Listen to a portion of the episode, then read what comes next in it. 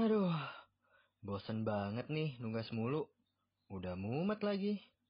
Hmm, kira-kira lagi ada gosip apa ya di TPN?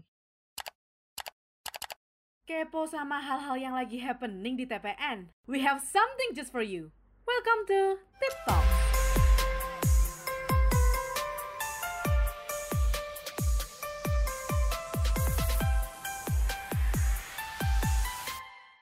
Halo Kang Teteh, selamat pagi, siang, sore, atau malam. Kapan pun Akang Teteh yang mendengarkan podcast ini. Halo-halo juga nih Kang Teh. Kenalin, aku Aca dari Teknologi Pangan 2019 bersama partner aku. Siapa nih namanya? Halo, aku Naila dari Teknologi Pangan 2020. Nah, kita tuh di sini tuh mau ngapain sih Teh berduaan? Oh iya nih, jadi kita mewakili sosial kemasyarakatan Hematipan. Dari Proker Sosling pengen ngajak Kakang Teteh buat berbincang tentang Hari Remaja Internasional. Hari Remaja Internasional Teh. Hmm, kayak keren banget tuh Teh. Tapi aku tuh baru tahu nih kalau ada Hari Remaja. Kenapa sih Teh kok diadain Hari Remaja? Teh Aca pasti tahu nih kayaknya nih. Udah research nih kayaknya Teh Aca. Bener, bener, bener. Aku udah research soalnya. Nah, jadi Hari Remaja ini dicetuskan oleh PBB pada tahun 1998 dengan tujuan untuk merayakan hal-hal yang berkaitan dengan remaja. Kamu remaja kan, Nay? Hmm, uh, iya sih, kayaknya sih masih remaja sih, Teh. Hari remaja ini juga dijadiin sebagai ajang buat remaja-remaja di dunia untuk berbagi ilmu dan informasi, gitu. Oh, gitu ya, Teh ya. Baru tahu, makasih ya, Teh, infonya. Keren juga ya Teh. Nah ngomong-ngomong hari remaja ini kan kita masih remaja ya Teh hitungannya ya. Nah aku tuh pengen curhat aja nih Teh. Boleh ya Teh curhat ya? Boleh, boleh, boleh.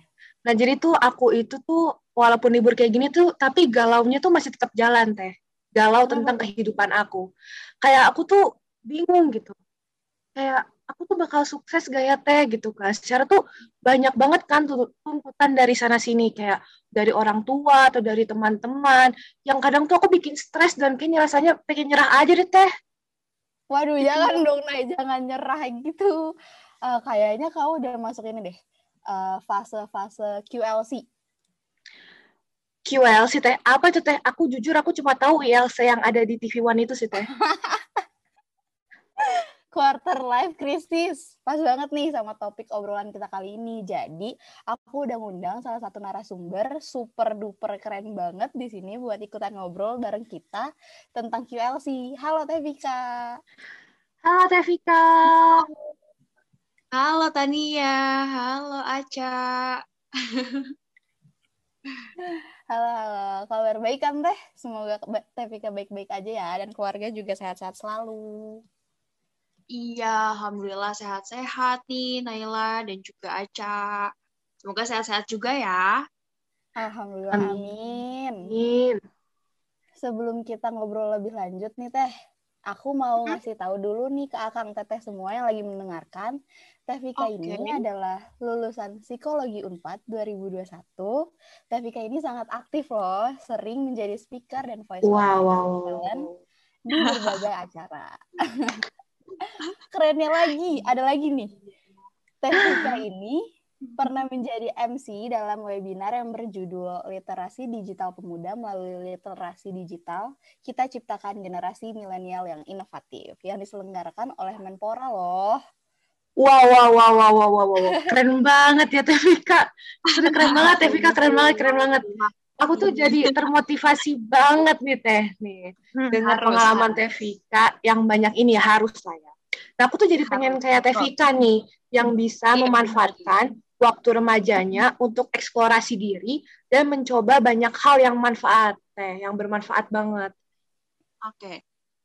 Okay. Boleh nih Teh, perkenalan dulu biar akan Teteh di rumah bisa semakin mengenal Teteh gitu. Iya, betul, Boleh, betul. Oke, okay. bener banget ya. So soalnya kan kayak yang pepatah bilang ya, kalau nggak kenal maka tak sayang. Tak sayang. Betul, betul, betul. Oke deh kalau gitu karena tadi uh, Aceh sama Naila juga udah kenalan ya. Sekarang aku sebenarnya terima kasih ya udah ngundang aku untuk kita ngobrol-ngobrol bareng. Kenalin aku Vika, aku alumni Fakultas Psikologi Universitas Pajajaran dan kebetulan aku baru lulus sih kemarin di bulan oh. 2021 kemarin gitu. Selamatin dulu aja kali teh ya. Selamat teh. Selamat teh. Terima kasih. Oke deh. Ya, itu aja sih paling ya. Dan mungkin sekarang aku lagi, apa ya, lagi kerja sebagai calon acquisition juga di salah satu biro psikologi di Jakarta, namanya Talenta Indonesia. Dan ya, aku senang banget sih bisa diajak ngobrol-ngobrol sama Aca dan Naila di uh, podcast hari ini. Gitu. So, jangan lupa dengerin kita ya. Yes, okay. betul, betul, betul, betul, betul, betul, betul.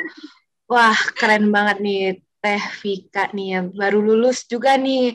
Nah, mungkin kita langsung aja kali ya daripada banyak pembukaannya nanti lupa keburu lupa kali Teh Vika mau ngomong apa ya. Nah, jadi langsung masuk aja nih ke obrolan nih. Nah, jadi nih QLC itu apa sih Teh? Aku tuh jujur aku cuma tahu ILC nih Teh. QLC itu apa boleh nih Teh dijelasin dikit nih Teh.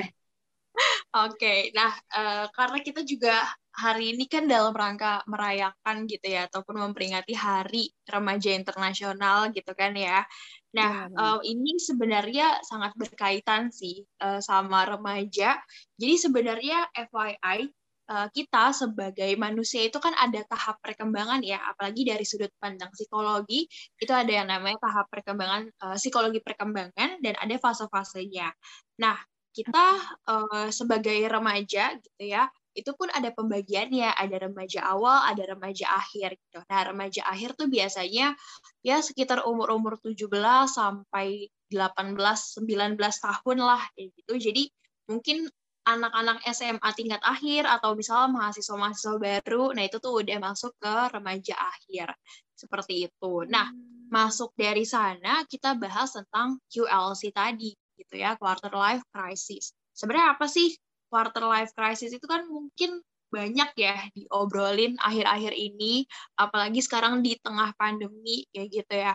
Dan kenapa tadi aku bilang berkaitan sama remaja karena memang quarter life crisis sendiri ini adalah apa ya namanya krisis di usia-usia seperempat tahun ya seperempat apa ya usia keseluruhan manusia gitu. Jadi emang dialami oleh manusia-manusia atau orang-orang yang sudah berusia di antara remaja akhir ke remaja uh, ke dewasa awal atau emerging adulthood.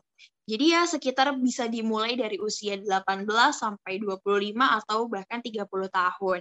Kayak gitu. Nah, mungkin karena tadi aku bilang di sini um, yang mengalami ini adalah remaja akhir, ya mungkin teman-teman di sini yang mungkin adik-adiknya yang masih ada di tahap remaja awal kayak misalnya SMP atau masih SMA awal itu nggak apa-apa juga gitu untuk mempersiapkan diri gitu ya menghadapi quarter life crisis ini gitu.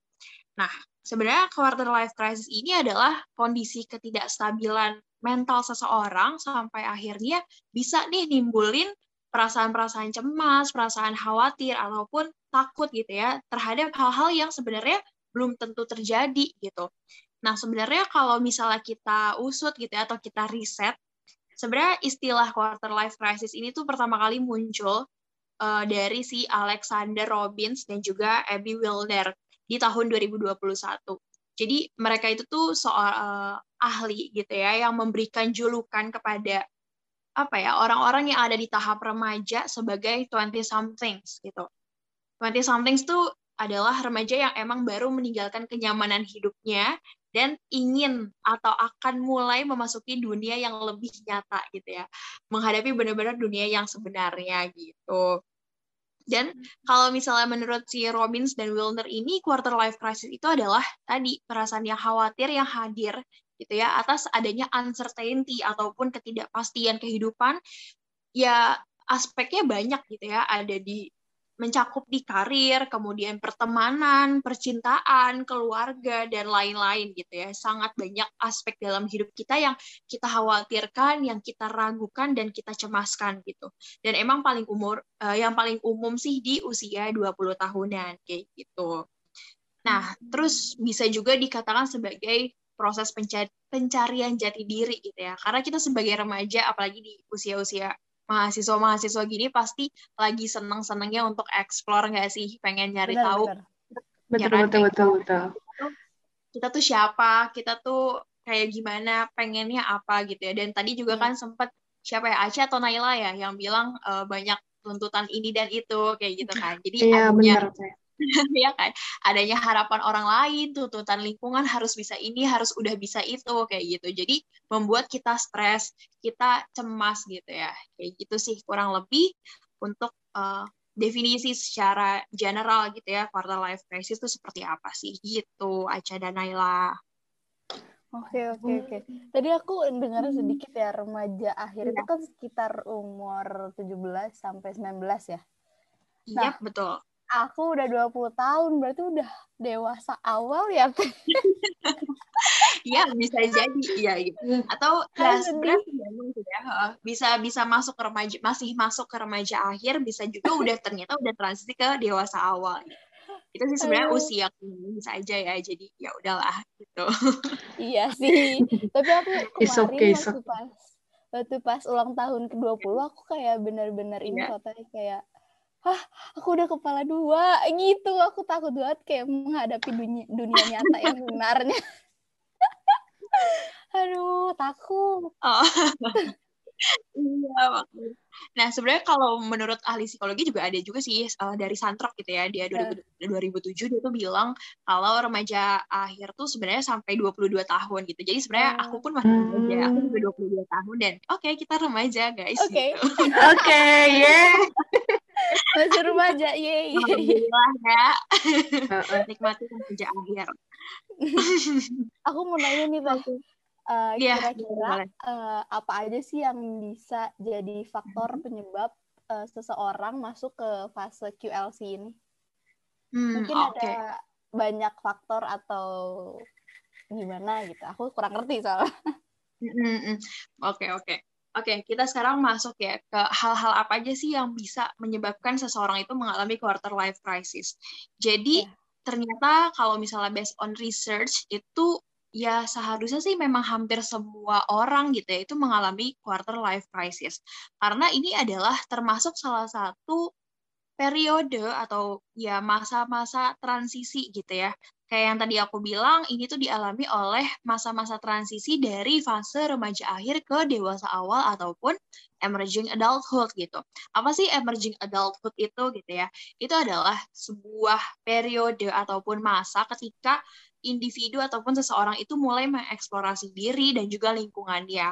Ya dengan kata lain ini tuh masa-masanya ketika kita tuh udah mulai sadar kalau misalnya kita tuh udah menuju dewasa, menuju sosok atau orang dewasa yang punya banyak banget pilihan hidup yang harus kita pilih gitu.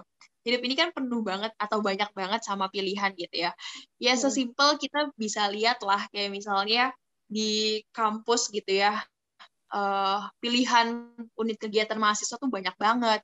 Himpunan, Hmm. organisasi, segala macam tuh banyak banget. Kita mau nyoba apa nih gitu ya untuk mengeksplor entah hal baru ataupun hal yang sesuai passion kah gitu. Terus kita mau lebih apa ya? Mau lebih menonjolkan diri kita di organisasi atau di akademik itu juga sebuah pilihan gitu.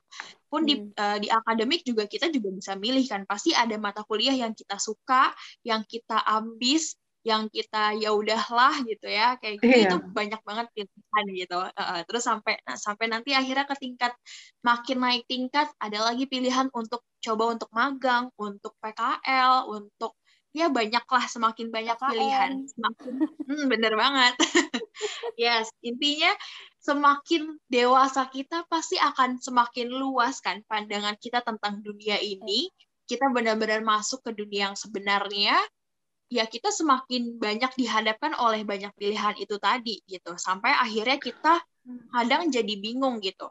Nah di masa-masa remaja itu tadi ya emerging adulthood di masa-masa transisi itu tuh kita adalah masa-masa untuk mengeksplor mengeksplor pertama kali kita untuk mengeksplor dan mencari tahu diri kita dan wajar nggak sih ketika kita pertama kali dihadapkan dengan banyak pilihan terus kita bingung selama ini kita sebenarnya nggak sadar nih kalau kita tuh belum kenal sama diri kita Jadi kita suka mempertanyakan sebenarnya gue tuh siapa sih kayak gitu. Dan gue maunya apa kayak gitu. Iya. Nah, itu sebenarnya emang secara apa ya? Secara tahap perkembangannya sih emang ada masa-masanya yang menyebabkan kita merasakan quarter life crisis. Tapi dialaminya di usia tepatnya di usia berapa dan waktunya berapa lama itu benar-benar balik lagi ke tiap dari diri kita sendiri. Gitu. Ada yang emang dia udah mulai ngerasain di usia 18 tahun atau bahkan lebih muda dari itu karena dia udah apa ya? Uh, apa sih namanya harus dewasa lebih dini gitu kan mungkin ada tuntutan lingkungan yang membuat dirinya merasa harus lebih dewasa, uh, lebih cepat.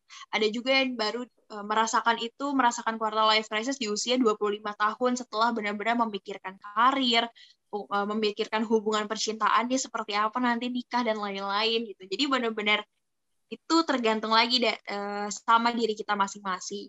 Terus apalagi sih yang menyebabkan selain memang itu udah suatu hal yang wajar secara tahap perkembangan gitu ya. Kita tuh bisa membagi juga jadi dua faktor. Di antaranya ada faktor internal sama faktor eksternal. Nah, mungkin tadi tahap perkembangan itu bisa masuk ke faktor internal gitu ya. Dan hmm. selain tahap perkembangan tadi juga secara psikologi kita bisa lihat juga tadi ya, adanya keinginan dari dalam diri kita gitu. Keinginan tuh maksudnya kayak cita-cita kita, mimpi-mimpi kita pengennya seperti apa. Mungkin dari kecil gitu ya, kita suka banget um, berhayal ataupun ada juga yang menuliskan mimpinya pokoknya umur 20 tahun gue udah bisa ini, gue punya ini, gue jadi ini kayak gitu. Tapi ternyata pas kita melihat kenyataan kok nggak tercapai kayak gitu. Nah itu tuh hmm. banyak yang mempertanyakan kayak gitu. Kok gue ternyata nggak berhasil ya, ternyata nggak segampang itu ya meraih mimpi-mimpi gue di umur 20 tahunan kayak gitu. Terus juga kepribadian kita kayak gitu ya, apakah kita seorang yang pemikir, apakah kita seorang yang realistis, apakah kita seorang yang apa ya emang suka gitu ya untuk berbaur dengan orang lain sampai akhirnya ya udah mudah aja untuk beradaptasi. Ada juga yang mungkin merasa sulit dalam beradaptasi dan lain-lain. Nah itu sangat mempengaruhi juga nih adanya masa-masa quarter life crisis ini gitu Nah, selain itu juga tadi yang aku bilang ada ya faktor eksternal gitu loh. Ada ya tuntutan lingkungan gitu kan ataupun ekspektasi-ekspektasi orang lain gitu ya. Sesimpel yang iya. terdekat yeah. adalah ekspektasi orang tua gitu. Ya, misalnya sesimpel sama masa kuliah gitu misalnya atau pas SMA akhir mau kuliah orang tua uh, banyak pengen anaknya jadi dokter, anaknya jadi ini, jadi itu kayak gitu kan. Pilihan kuliahnya udah diatur atau misalnya udah ada harapan lah atau ekspektasi dari orang tua. Atau misalnya berharap nanti kerjanya di sini kerjanya di situ. Dan masih banyak lagi tuntutan atau ekspektasi orang lain yang akhirnya secara nggak sadar tercipta standarisasi pencapaian di lingkungan sekitar. Kayak misalnya usia 18 eh, 17 18 tuh harusnya tuh lo udah kuliah kayak gitu. Nanti kalau udah kuliah ditanya lagi kapan kerja, kalau udah kerja nanti ditanya lagi kapan nikah gitu nggak sih? Iya bener banget, ya bener bener bener. Gak ada habisnya. anak terus aja ditanya kayak gitu. Sebenarnya itu pertanyaan-pertanyaan basa-basi yang bikin orang mikir dan ya tergantung lagi gitu ya kalau misalnya orang yang lagi ditanya hal-hal kayak gitu dan ternyata dia lagi mengalami quarter life crisis itu bisa aja membuat dia stres gitu ya uh, jangka hmm. panjang dari orang yang mengalami quarter life crisis ini kalau misalnya emang dia gagal gitu ya benar-benar merasa kesulitan untuk menemukan siapa sih dirinya dia, kemudian dia tidak ada guidance ataupun arahan ataupun bantuan dari orang-orang di sekitarnya, dia akan bisa hilang arah, terlalu banyak memikirkan dan tidak menemukan solusi, akhirnya tadi bisa stres, bisa bahkan bisa depresi juga kayak gitu. Apalagi sekarang di tengah pandemi gitu ya, akses akses untuk bertemu orang secara langsung tuh lebih sulit. Jadi ya secara ini dari mulai penyebab sampai secara sekilas gitu ya dampak dari quarter life crisis tuh seperti itu sih Aca dan Naila. Oh begitu ya Teh. Jadi itu sebenarnya quarter life crisis itu emang kita akan menghadapinya gitu ya Teh. Yang sesuatu yang nggak bisa dihindari gitu. Cuma kapannya itu ya tergantung tadi ya faktor internal dan eksternal itu ya Teh. Aku pun baru yeah. tahu Teh ternyata faktor dari diri kita sendiri juga ngaruh ya teh ke uh, iya, betul. ke quarter life crisis ini. Nah tadi juga hmm. Teh siapa Teh Vika bilang yang standar standarisasi pencapaian itu bener banget sih Teh. Kayak dibandingin lah sama anak tetangga misalnya Teh. Itu tuh anak tetangga udah udah bisa magang gitu Teh. Padahal ya kita Aduh, juga lagi berusaha gitu kan. Aduh jadi curhat nih Teh. Nah, jadi daripada kelamaan nih Teh ya curhatnya nih. Lanjut aja lagi aku nanya lagi aja kali ya Tehnya. Nih jadi tuh tanda-tanda seseorang tadi udah sempat di udah sempat dibahas kan teh cuma mau hmm. dinanya lagi deh teh uh, boleh tanda-tanda seseorang yang lagi QLC itu gimana sih teh biar kita okay. mungkin teman sekitar bisa bantu atau gimana gitu teh Oke, okay. bisa lebih aware atau lebih sadar lagi gitu ya, apakah iya, kita betul. di fase itu atau enggak. Nah, mungkin lebih jelas lagi tadi ya, uh, yang pertama adalah pastinya kita udah ada di titik di mana kita sering mempertanyakan diri kita sendiri, who am I gitu, siapa sih gue sebenarnya? Siapa sih gue sebenarnya itu dalam artian sebenarnya gue tuh apa namanya pengennya apa sih dalam hidup ini? Gue pengen mencapai apa? Tujuan hidup gue tuh apa? Kemudian passion gue apa sih gitu ya? Passion, kemudian tadi tujuan, tujuan entah di dalam karir, jenjang karir, jenjang akademik, kemudian mempertanyakan tentang hubungan kita dengan orang lain tuh sebenarnya tujuannya apa sih? Kenapa sih gue sahabatan sama nih orang gitu? Kenapa sih gue punya pasangan kayak gini buat teman-teman yang punya pacar? Kalau yang jomblo nggak usah dipertanyakan sih nggak apa-apa. Terus abis itu uh, apa namanya? Uh, prinsip hidup kita seperti apa kayak gitu ya dan ya rencana-rencana kita sebenarnya ke depannya tuh pengen mencapai apa aja sih kayak gitu. Dan uh, kemudian gitu ya, setelah mempertanyakan itu ya akhirnya kita lebih sering akan meragukan diri kita sendiri gitu.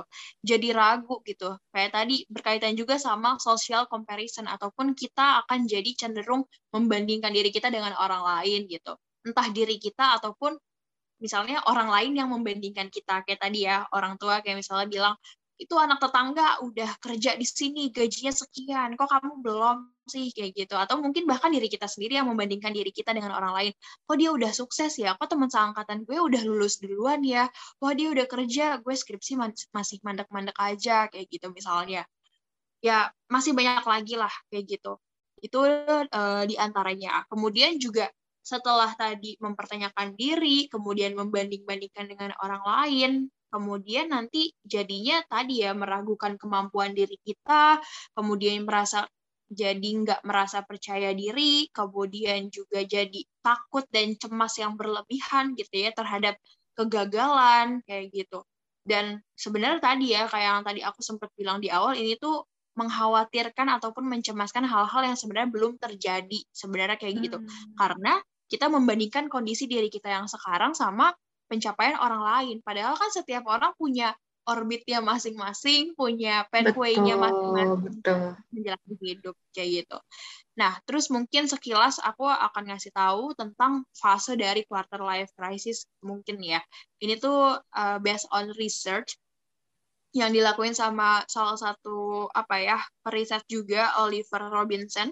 Dia tuh meriset hubungan atau keterkaitan antara emerging adulthood dengan quarter life crisis ini. Jadi fasenya tuh yang pertama ketika kita merasa terjebak.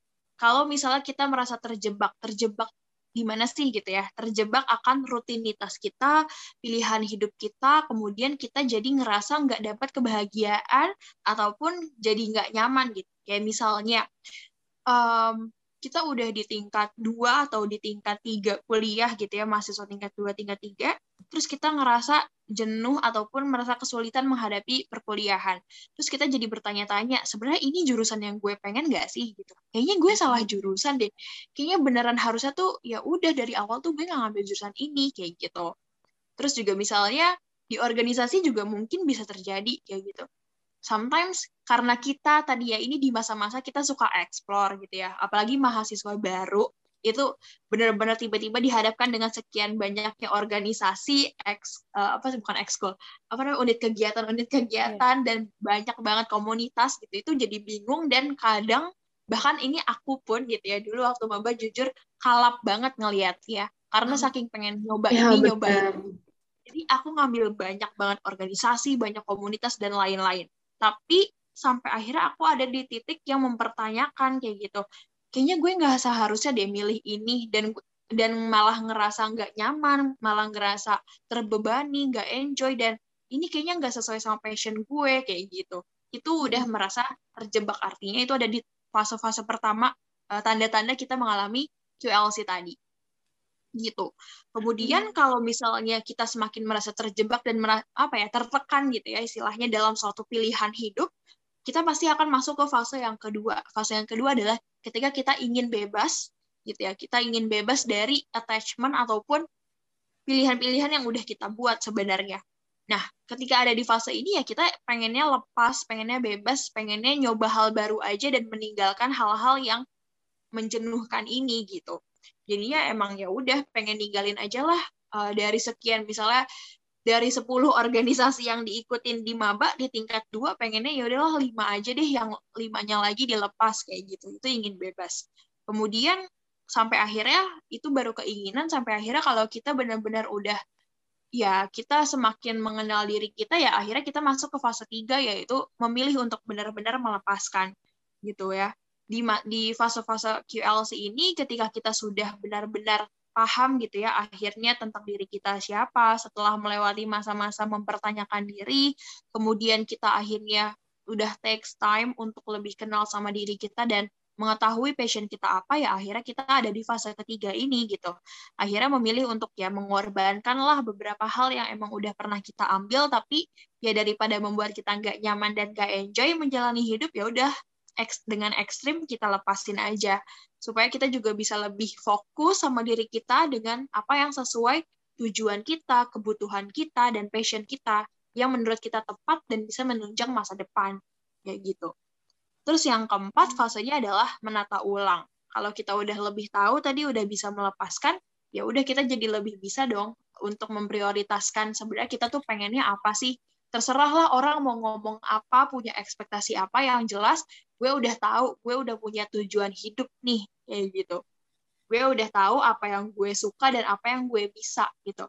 Bisa aja kan orang mengekspektasikan ya itu hal yang positif, hal yang bagus. Tapi kita tuh nggak mampu. Kan kita sendiri kan yang tahu pada akhirnya batasan kita sampai mana kayak gitu. Oh, Jadi udah sampai di tahap ini kita udah bisa tahu gitu ya apa yang diprioritaskan dan benar-benar tahu konsekuensi dari setiap pilihan kita, sampai akhirnya di fase terakhir adalah kita benar-benar berhasil melewati fase atau masa-masa quarter life crisis. Akhirnya kita bisa menjalani hidup kita yang lebih baru dan lebih terarah.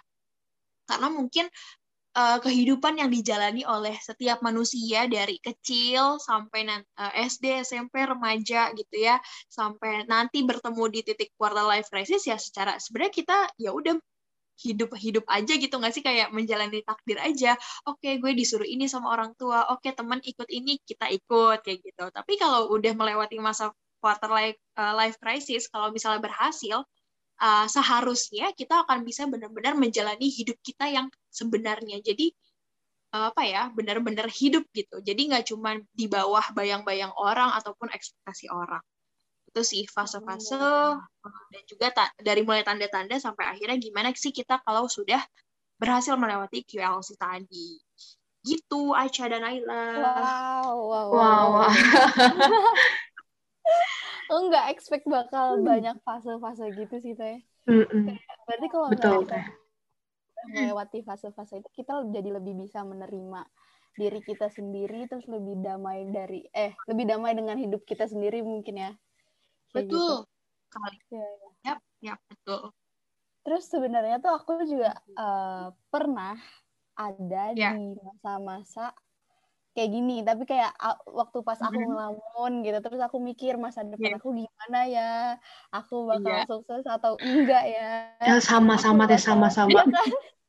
aku bakal yeah. kerja apa nanti gitu pokoknya mm-hmm. kayak Uh, bahkan sampai saat ini pun aku belum bisa menemukan aku ke depannya akan gimana gitu. Hmm. Tapi eh, masa-masa uh, kayak aku ngelamun gitu tuh uh, hadir ketika aku nggak ada kerjaan aja gitu pas aku lagi gabut dan gak ngapa-ngapain. Tapi kalau misalkan aku lagi sibuk, aku lagi melakukan sesuatu, aku nggak akan overthinking gitu loh teh. Jadi kayak, kayak mungkin uh, uh, menyibukkan diri aja kali ya biar gak mikirin yang ah. gimana gimana gitu oke oke benar sih benar nah berhubung kita ada di masih ada di apa ya masa pandemi gini kan pandemi covid 19 yang tak kunjung habis tapi semoga nanti akan habis. Nah, amin ya Allah. Tuh suka stres gitu teh. Amin amin. Amin amin. Aku tuh suka stres gitu saat pembelajaran online daring. Okay. Kayak itu tuh oh. uh, berpengaruh banget gitu sama uh, mental health aku. Nah, aku penasaran kira-kira apa aja sih dampak yang dampak tersendiri dari pandemi terhadap QLC ini. Mungkin Teh Vika uh, tahu gitu. Oke. Okay. Yes, uh, sangat relate ya dan ya mungkin sudah sekitar satu tahun lebih ya kita ada di masa pandemi ini gitu ya dan mm -hmm. mungkin di antaranya di masa-masa pandemi ini ada yang sedang mengalami quarter life crisis ini gitu ya dan untuk eh, orang-orang uh, yang sedang mengalami quarter life crisis atau justru menjadi mengalami quarter life crisis mm -hmm. ini ya salah satunya memang bisa disebabkan oleh pandemi kayak gitu ya ya kenapa sih dampaknya dari pandemi ini gitu ya karena dari kita bahas satu-satu sih. Maksudnya dari segi pandemi itu sendiri pun bisa membuat seseorang itu untuk uh, mengalami stres gitu ya, mengalami tekanan gitu ya, mengalami tekanan apa ya dalam menjalani rutinitasnya gitu. Karena benar-benar apa ya adanya perubahan yang drastis gitu kan di mana kita mengharuskan kita semua benar-benar kita semua untuk melakukan adaptasi. Adaptasi yang cukup besar gitu ya namanya juga pandemi gitu kan uh, cukup besar kayak misalnya dari offline ke online bayangin aja benar-benar hampir semua kegiatan kita jadi di online kain semua gitu dan ini masih ada alhamdulillahnya karena kita udah punya teknologi. Coba bayangkan kita hmm. tidak ada teknologi dan kita Wah. di tengah pandemi gitu. Gimana kita benar-benar kayak sama orang? Yes. Nah, maksudnya di tengah pandemi dan kita udah ada teknologi aja ternyata hasil risetnya adalah emang tingkat stres orang-orang itu semakin tinggi gitu ya dengan adanya pandemi ini.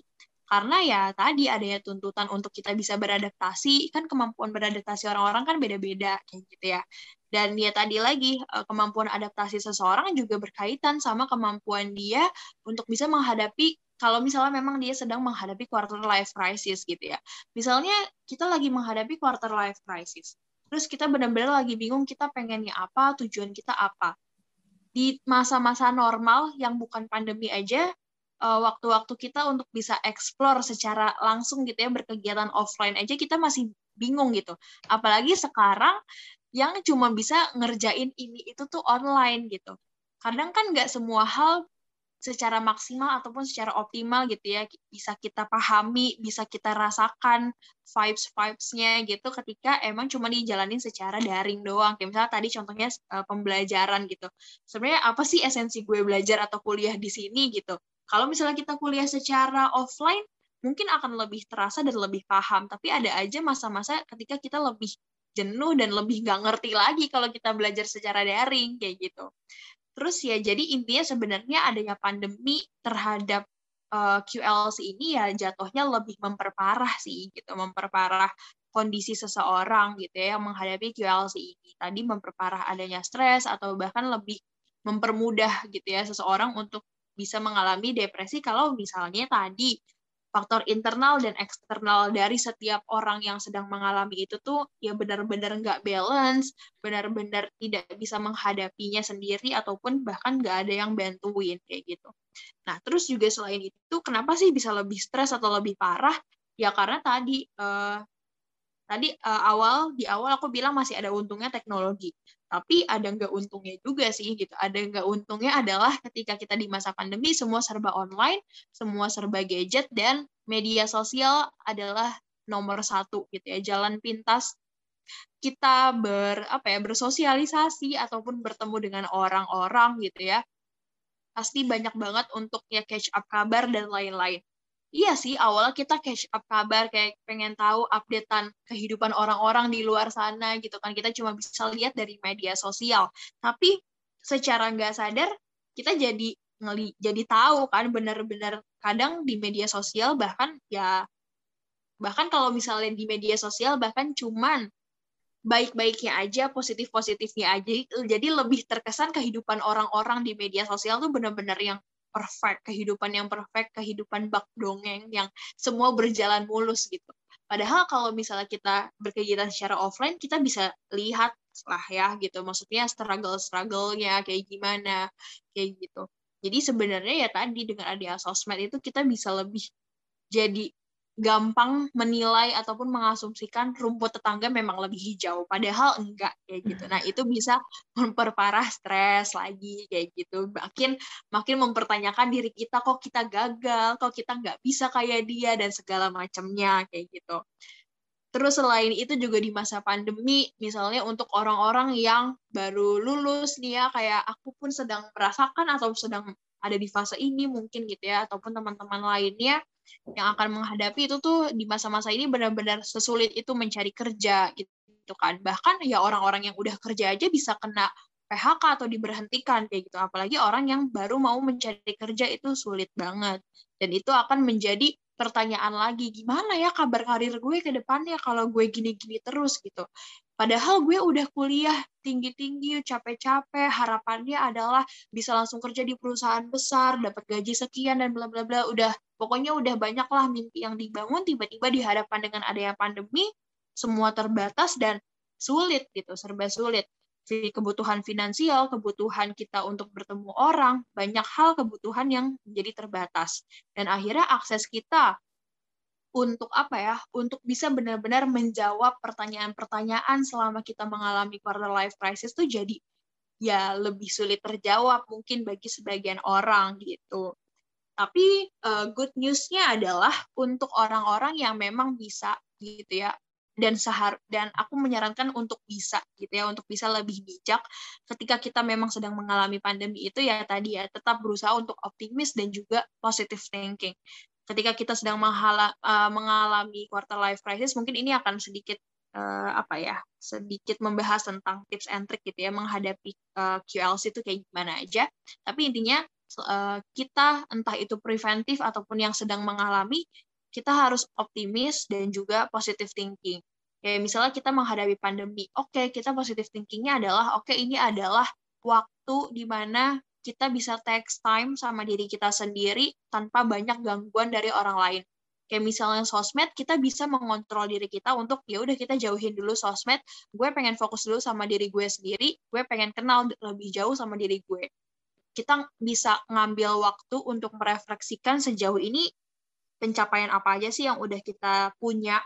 Kemudian sebenarnya hmm. kita siapa dan segala macamnya ya selama pandemi mumpung kita lagi dikurung di rumah masing-masing gitu ya jadi kita bisa benar-benar mempertanyakan diri kita itu good newsnya sih dari adanya pandemi. Jadi sebenarnya kita bisa lebih mengontrol adanya apa ya faktor-faktor atau tuntutan-tuntutan lingkungan yang biasanya secara langsung kan kayak gitu sih.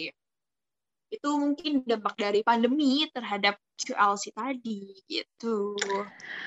Iya bener banget ya apalagi kan aku itu baru masuk kuliah itu online kan teh 2020 hmm. itu udah kayak udah kayak sedih dan stres banget sih teh karena kayak aduh pengennya offline gitu kan pengen ketemu sama teman baru tapi akhirnya juga ketemunya sama sama teman-teman tapi lewat Zoom kayak ya gitu. Tapi benar sih kata Teh Vika tadi kita harus optimis dan tetap positive thinking ya Teh di masa hmm. pandemi ini gitu. Karena benar hmm. Teh kalau misalnya pikiran kita pikiran kita juga baik ya mudah-mudahan uh, kita juga jadi lebih sehat gitu teh karena kan katanya pikiran itu mempengaruhi imun gitu ya teh gitu ya, sih betul, teh. Jadi ya harus tetap optimis dan positif thinking gitu dan carilah kebahagiaan di tengah pandemi ini gitulah teh ya. Nah, jadi kalau boleh tahu nih tadi Teh Vika nih sempat bilang nih tips and trick dari QLC. Nah, tips and trick dari Q, untuk menghadapi QLC itu apa aja sih Teh? Khususnya di masa pandemi ini gitu. Oke, okay. yap. Oke, okay. kalau bahas tentang tips and triknya adalah yang paling basic dan yang paling utama adalah pahami dulu bahwasanya QLC ini adalah suatu tahapan yang wajar dan lumrah untuk kita hadapi dan kita hmm. alami kayak gitu. Karena yang namanya manusia itu kan emang dinamis ya, pasti ada perubahan dalam hidup kayak gitu. Dan kalau misalnya dilihat dari teori, ya emang ada gitu. Ternyata tahap perkembangan, tahap transisi kita, yaitu benar-benar masa-masanya kita labil dari dari masa-masa remaja gitu ya, penuh kebingungan, sampai akhirnya kita menuju ke orang dewasa yang emang pengen lebih jelas segala-galanya, pengen lebih apa ya, pengen lebih pasti lah semua halnya kayak gitu.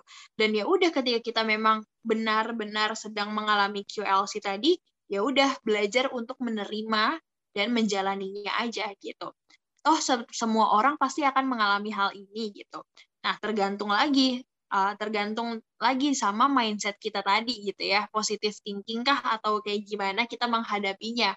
Kalau misalnya kita berusaha enjoy dan benar-benar memaknakan QLC ini sebagai proses pendewasaan, oke okay, kita akan menjalani ini dengan hal-hal yang positif tentunya. Pasti kita akan lebih memandangnya kayak oke okay, gitu. Misalnya kita benar-benar merasa hampa atau misalnya kita ngerasa yang takut gagal dan lain-lain, ya udah kita terima dulu aja emosi yang ada. Misalnya kita kecewa, kita cemas, kita khawatir dan lain-lain, tapi setelah itu kita benar-benar harus mau untuk bangkit, mau untuk menyusun planning ke depannya dan yeah. mau untuk mengenal diri lebih jauh lagi pastinya kayak gitu. Dan jangan lupa juga sih sebenarnya untuk bisa saling sharing gitu ya sama orang-orang terdekat, hmm. orang-orang yang bikin kita merasa aman dan nyaman. Misalnya keluarga kah atau misalnya sahabat, tapi sahabat pun yang emang benar-benar suportif. Suportif tuh bukan yang uh, sahabat yang mengiyakan segala hal yang kita mau, tapi emang sahabat yang bisa mengarahkan.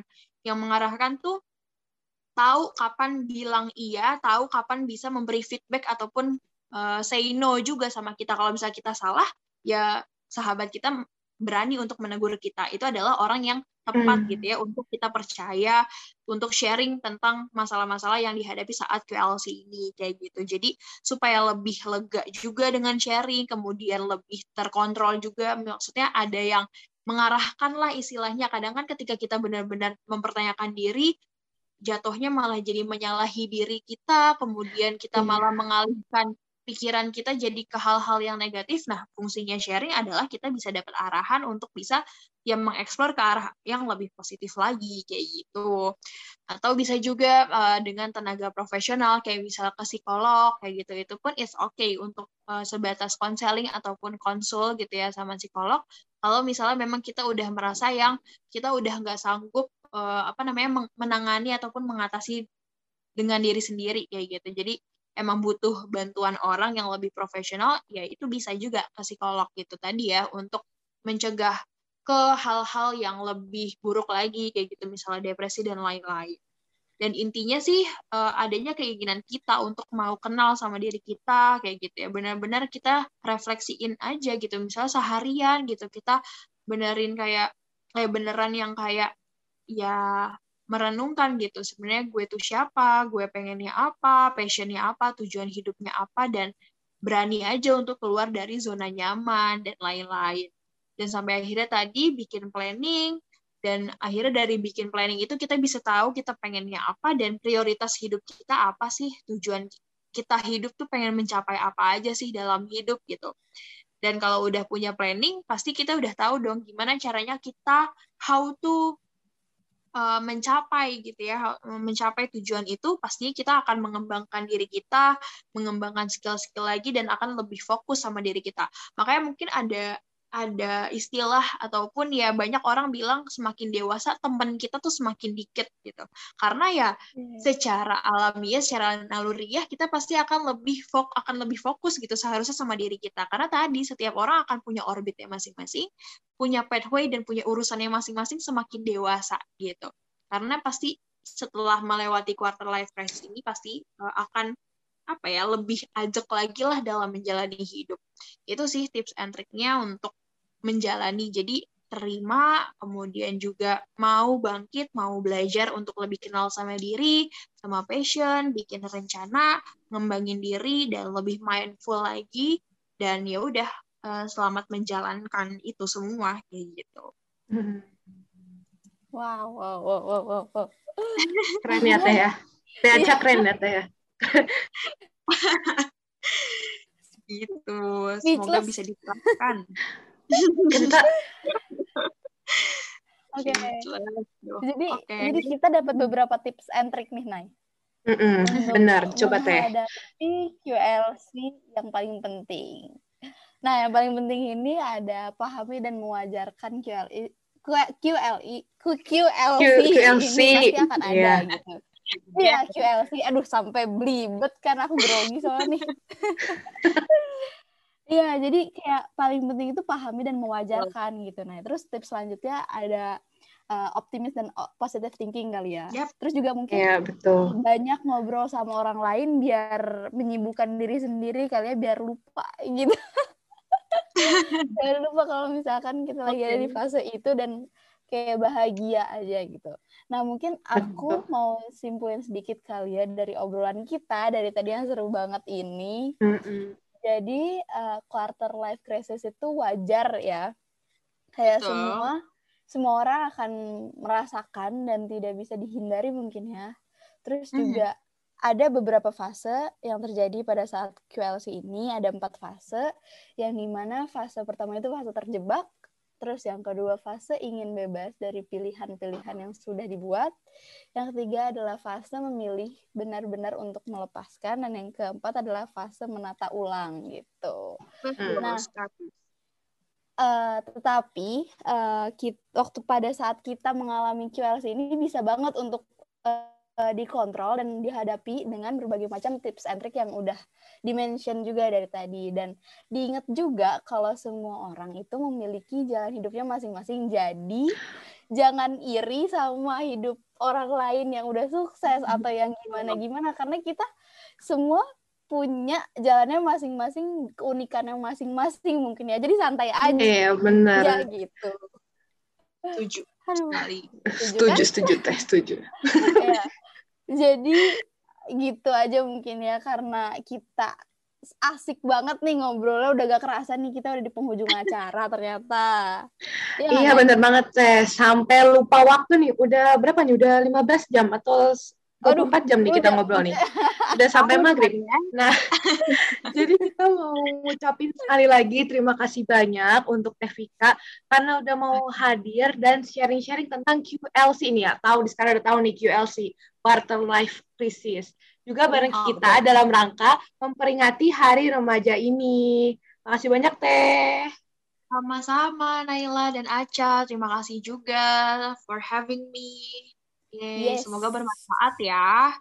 Amin, Amin.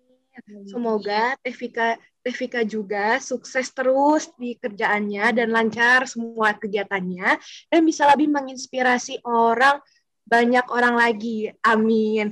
Nah, kita juga mau terima kasih banyak kepada Akang Teteh semua yang sudah mendengarkan obrolan ini dari tadi awal sampai akhir acara ini. Benar banget. Aku sama Naila juga mau minta maaf kalau sepanjang obrolan ini ada kesalahan kata dari kita berdua. Iya. Semoga pengalaman, harapan, dan juga tips and trick yang Teh Vika berikan bisa bermanfaat dan memotivasi kita semua untuk melewati fase QLC dengan bijak ya.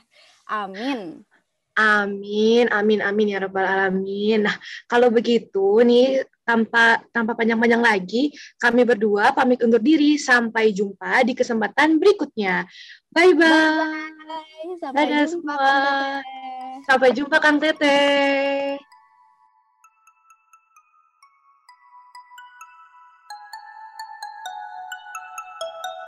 Tipcast hanya di Spotify.